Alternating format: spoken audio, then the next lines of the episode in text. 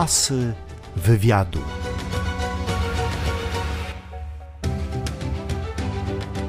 Zaklęte rewiry, epitafium dla Barbary Radziwiłłówny, Królowa Bona, Złoto dezerterów, CK dezerterzy, ekscentrycy, czyli po słonecznej stronie i wreszcie jego ostatni film Czarny Mercedes. Filmy Janusza Majewskiego znają chyba wszyscy miłośnicy kina. Zapraszam do wysłuchania rozmowy z tym niezwykłym artystą. Podobno w wieku 7 lat w Lwowie otrzymał Pan na gwiazdkę projektor filmowy i od tego zaczęła się Pana miłość do kina. Czy to prawda? Może i od tego, ale też od pierwszego filmu, który w życiu zobaczyłem w kinie W Lwowie? w Lwowie. To była Królewna Śnieżka Disneya. To zrobiło na mnie ogromne wrażenie i tak zafascynowało mnie to, że ludzie na sali reagują tak, jak ekran chce. Ile Pan miał lat wtedy? No, jak Królewna Śnieżka była na ekranach w Polsce, to ja miałem 7 lat. 38 rok chyba. Urodził się Pan w 1931 roku w Lwowie. To dzieciństwo przedwojenne. Jakie zostawiło w Panu smaki, kolory, zapachy? Co zostało w pamięci? Został właśnie taki konglomerat tych wrażeń zmysłowych, coś nadzwyczajnie przyjaznego, dobrego, ciepłego, bezpiecznego. Jaki był dom rodzinny? Dom rodzinny był taki, że ja miałem młodszą o 5 lat siostrę, która się urodziła w 1936 roku. Moi rodzice byli, powiedzmy dzisiaj się to nazywa klasa średnia. Ojciec miał dosyć już wysokie stanowisko w administracji państwowej. Matka, która była z zawodu nauczycielką, po chorobie ciężkiej, przebytej wczesnej młodości, zaczynała głuchnąć i w pewnym momencie po prostu już nie mogła uprawiać tego zawodu, także siedziała w domu. Ona na przykład zaszczepiła we mnie miłość do książek. Już umiałem czytać, nim poszedłem do szkoły, Gdzie spędziliście okupację? właśnie w Lwowie. Najpierw okupację sowiecką, która trwała prawie dwa lata. Potem okupację niemiecką i na początku roku 1944 musieliśmy uciekać. Ojciec został ostrzeżony, że cała jakaś siatka, w której Akowska wpadła i za, że za, za chwilę będzie aresztowany. Także dosłownie uciekliśmy z, z czterema wa- walizkami. Uciekliśmy na wieś niedaleko Rzeszowa, bo tam moja matka miała wuja, który był proboszczem. Schroniliście się na plebanii. Na początku na plebanie, a potem zaczęliśmy mieszkać w wynajętych pokojach. Jest to opisane w mojej powieści. A tytuł powieści? Tytuł ma matura. Na podstawie powieści powstał film. Tak, Panie Januszu, ale nawet Panu Marek Kondrat nie odmówił, który odmawia wszystkim i zagrał u Pana. Jak to się stało? na zasadzie przyjaźni po prostu i tego, że no, ja go kiedyś wylansowałem i znalazłem i od tego się zaczęła jego aktorska kariera, bo on zagrał w moim filmie Zaklęte Rewiry. No więc już nie bardzo mógł odmówić. A ja chciałam zapytać, dlaczego wybrał Pan najpierw architekturę na Politechnice Krakowskiej, skoro mi film był Pana miłością od dzieciństwa? Wtedy jeszcze film był w Polsce był bardzo mało rozwinięty. Trudne do wyobrażenia dla moich rodziców, że ja mogę pracować w jakimś niepewnym zawodzie. I oni mi namówili, żebym jednak wybrał jakiś zawód poważniejszy. Stąd pojawiła się pomysł architektura I skończył Pan, prawda? z dyplomami. No to było dwustopniowe studia. Najpierw y, inżynierskie, potem magisterskie. Oba dyplomy mam, ale już jak kiedy mogłem na siebie zarobić, to poszedłem do szkoły filmowej. Ale najpierw na Wydział Operatorski. Najpierw na Wydział Operatorski, no, ale już wiedziałem od razu, że ja się z niego przeniosę. Na Wydział Operatorski było mi łatwiej się dostać, ponieważ miałem za sobą właśnie tą architekturę. Przetrwałem tam dwa lata i na trzecim roku się przeniosłem na reżyserię. Asy wywiadu.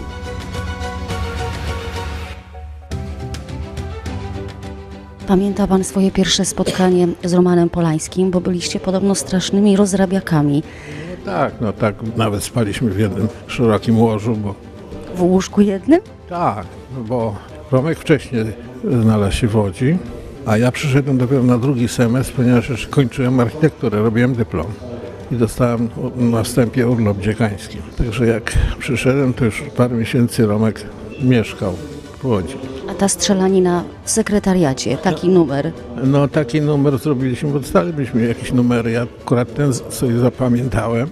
Cynicznie wykorzystaliśmy naiwność takiej pani sekretarki, która była poczciwą duszą i y, uwierzyła w to wszystko. On, Romek przygotował sobie jakąś czerwoną farbę, ja straszak, rewolwer. On sprowokował jakąś kłótnię rzekomą. Ja potem wpadłem w wściekłość, strzeliłem do niego dwukrotnie, upadł i zalał się krwią, ona tym dała. Co jeszcze wyprawialiście razem, panie różne rzeczy, o których nie bardzo wypada mówić.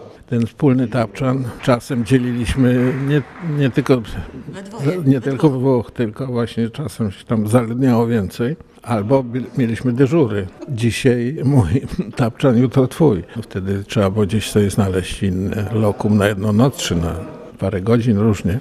Panie Januszu, przyjaźń z Polańskim przetrwała do dziś? No, przetrwało w tym sensie, że czasem się ocieramy jakoś w świecie, ale jakichś stałych kontaktów nie. Obydwaj jesteście legendą łódzkiej filmówki. No, cóż, taka była wtedy aura w ogóle. Właściwie to Romek był taką sprężyną, która napinała wszystko. On prowokował wszystkie wydarzenia i w szkole, i poza szkołą. Była taka słynna kawiarnia Honoratka, tam się toczyło życie towarzyskie. I uczuciowe. I uczuciowe, tak. Tam wiele panienek połamało serca. A myśmy mieli bardzo określony kodeks towarzyski. Uważaliśmy, że podrywanie na legitymację szkolną szkoły filmowej jest nie fair. Tylko trzeba było się kamuflować.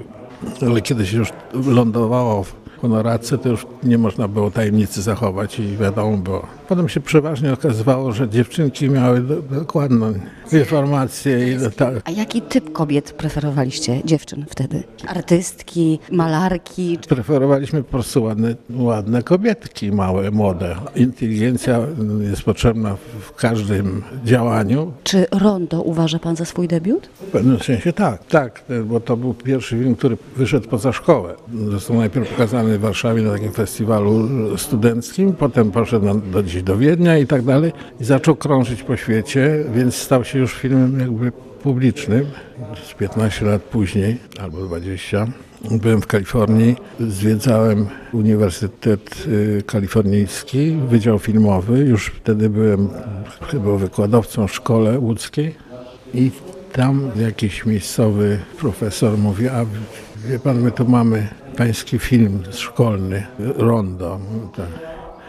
Tak, no to bardzo mi miło, tylko, ale kopia jest już tak zdarta. Może pan się wstawił, bo my tam prosimy w szkole, żeby nam przysłali nową kopię, oni nie odpisują w ogóle. No to jak to Polacy potrafią, prawda? Czyli Rondo to debiut, ale sława reżysera zaczęła się od Zaklętych Rewirów? Tak, właściwie Sublokator już był takim pierwszym moim filmem. To nasz debiut, który zwrócił uwagę krytyki. Chociaż wcześniej jeszcze ro, robiłem takie filmy tutaj wymienione. Szpital, Krótkie, tak? kró, krótkie filmy różnych gatunków, tutaj są tylko niektóre wymienione. To może wymienimy Szpital, Docent H, Błękitny Pokój, Pierwszy Pawilon. To były filmy fabularne, ale krótkie. Pojawiała się wtedy telewizja, był jak gdyby było miejsce do ich prezentacji, bo z racji metrażu to w kinach one nie mogły się pokazywać.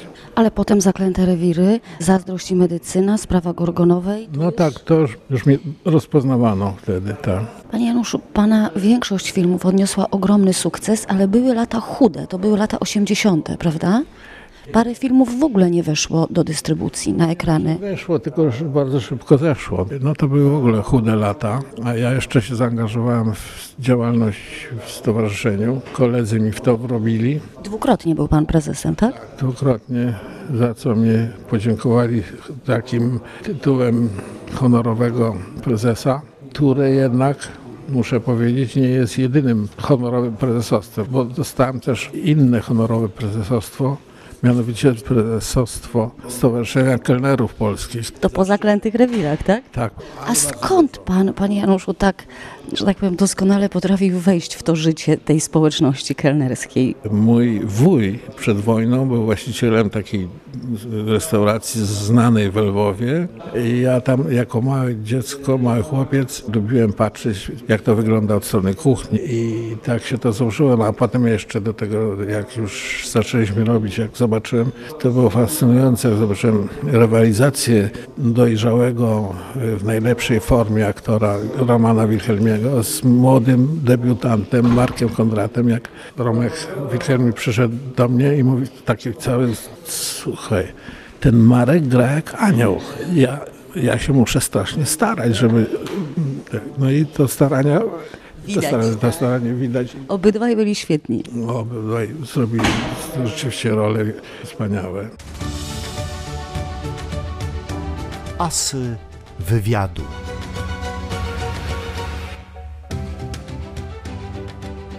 Słona Róża, epitafium dla Barbary Radziwiłłówny, y, Czarny Wąwóz. To takie filmy przeszły bez echa. Dlaczego? Tak, Słona Róża, no to taki był filmik. Ryszard Frelek napisał to jako członek Komitetu Centralnego Partii.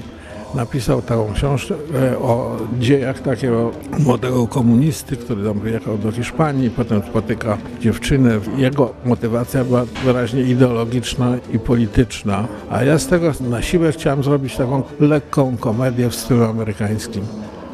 I tak to poprowadziłem. Dla publiczności tej partyjnej to, to była jakaś, jakiś zgrzyt, że to nie tego się spodziewali, a z kolei ta publiczność, która by chętnie oglądała taki film, no jednak te śl- ślady ideologiczne wykrywała i niechętnie na nie reagowała. No, lata 80. to też słynni dezerterzy, prawda? No właśnie, potem przyszedł jednak sukces Są fan-kluby w ogóle CK Dezerterów. I to jest fajne, ale wtedy też miałem pewne tego rodzaju szczęście, bo publicznie odebrała to jako taką kpinę ze stanu wojennego i z wojska. Znaczy, bo wtedy wojsko miało władzę, Komitet Ocalenia Narodowego, generałowie rządzili niby nieudolnie właśnie, a film wykpiwał głupotę wojska. Dzięki temu ludzie zaczęli tak to odbierać. Prawdę mówiąc, nie, nie myślałem o tym wcale.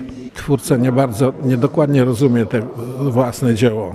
Lepiej interpretują inni później. Ale panie Januszu, czy wy się dobrze bawiliście przy dezerterach? O tak, bardzo. To, tak, bo to też się zebrała dobra kompania i także bawiliśmy się dobrze i to też widać w filmie. To znaczy to, się udziela y, gdzieś podskórnie się czuje, że to no, nie jest wymęczone, że to zrobione z przyjemnością. Ja bym chciała zapytać o taką rzecz. Jeżeli naukowiec dostaje tytuł profesorski, to przynależy mu się wówczas gabinet i biurko. A jeśli filmowiec dostaje tytuł profesorski, tak jak pan w 87 roku, to co się przynależy wówczas? Nic, nic, dokładnie nic. I, I tak prawdę mówiąc, to nigdy nie poczułem się profesorem. Ja kiedyś w latach 70. mieszkaliśmy w, w Warszawie w domu z ogrodem i zatrudnialiśmy takiego starego ogrodnika, który przychodził i tam, to był malutki ogród, tak? on tam robił jakieś niewielkie pielęgnacyjne zabiegi i on zawsze się zwracał do mnie panie inżynierze, chociaż ja byłem reżyserem już wtedy i nie wiem skąd on, on na pewno nie wiedział, że ja de facto jestem inżynierem z, z tych pierwszych, on tego nie wiedział, ale on uznał, że ja muszę być inżynierem. Może wywnioskował to z moich uwag jakichś takich technicznych, dokładnie wiedziałem, co, czego chcę. To ten tytuł profesorski nic nie wniósł w pańskie życie? Nie, no to no jakaś chwila przyjemności, że się z profesorem. Tak się złożyło, że ja miałem y, trzech y, przyjaciół. Wszyscyśmy byli w pewnym momencie docentami. Byliśmy w podobnym wieku. Oni byli lekarzami wszyscy, a ja byłem artystą. I wszyscy mniej więcej w podobnym czasie dostaliśmy tytuł profesorski. I właśnie z tych docentów zrobiliśmy się profesorami. I kiedyś właśnie tak siedzimy mówię, czy macie jakieś coś... Te... A oni, w ich świecie to jest ogromna różnica, bo to idzie od razu inne honoraria się bierze. A ja mówię, no właśnie o to chodzi. Wy, wy zyskaliście konkretne pieniądze na tym. A gdyby ktoś do mnie na planie zwrócił się, panie profesorze, bym go wyśmiał. Bo tak de facto reżyser na planie swojego filmu jest więcej niż profesor, jest więcej, jest po prostu Panem Bogiem. Z wodzem. Tak, i to jest, co to jest profesor.